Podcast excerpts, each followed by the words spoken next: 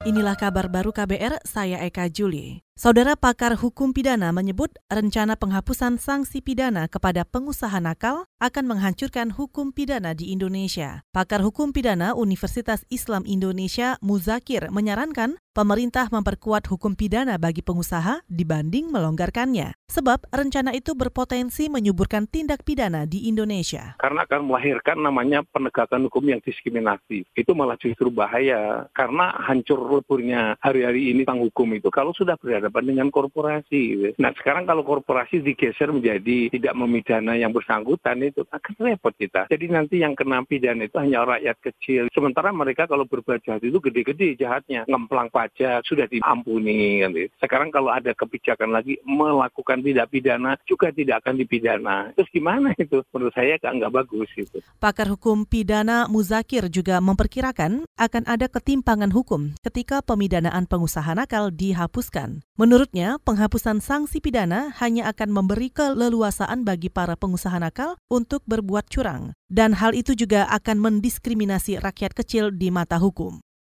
Saudara Ketua Umum Program Studi Psikiatri Universitas Pajajaran, Seli Iskandar, menyebut Indonesia kekurangan dokter psikiater. Kata dia, saat ini jumlah dokter spesialis psikiatri atau psikiater di Indonesia hanya seribu orang dan tersebar di kota besar. Itu terjadi karena kurangnya dosen pengajar. Sehingga kalau jumlah dosennya kurang, diperbolehkan menerima mahasiswanya juga lebih sedikit. Kalau ditanya kenapa dosennya kurang, itu karena uh, lebih enak jadi dokter spesialis dalam hal pendapatan dibandingkan menjadi dosen. Ketua Program Studi Psikiatri Universitas Pajajaran, Seli Iskandar juga menambahkan, berdasarkan pengamatan, minat mahasiswa menjadi mahasiswa kedokteran spesialis psikiatri di Universitas Pajajaran dan sembilan senter pendidikan serupa lainnya di Indonesia mengalami kenaikan. Namun, jumlah mahasiswa peminat menjadi dokter psikiatri tidak sebanyak jurusan spesialis lainnya.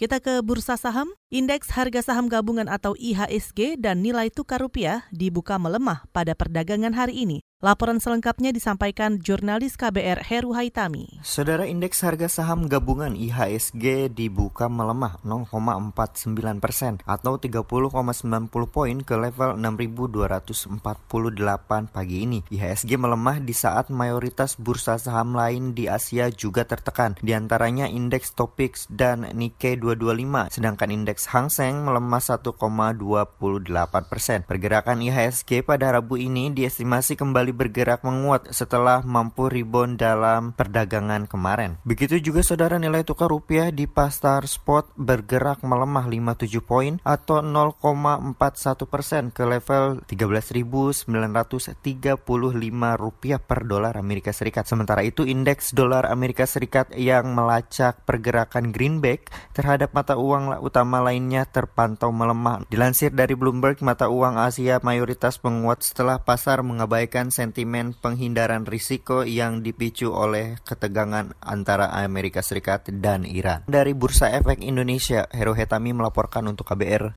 Kita ke berita mancanegara. Presiden Amerika Serikat Donald Trump menyatakan negaranya belum akan menarik pasukan dari Irak. Trump berdalih penarikan bisa memberikan akibat buruk bagi Irak. Amerika juga membantah isi surat penarikan pasukan dari Irak sebagaimana yang disampaikan militer Amerika. Menteri Pertahanan Amerika Mark Esper juga menyebut Amerika tidak akan meninggalkan Irak. Sebelum dibantah, Perdana Menteri Irak Adel Abdel Mahdi mengatakan telah menerima salinan surat Amerika soal penarikan pasukan tersebut.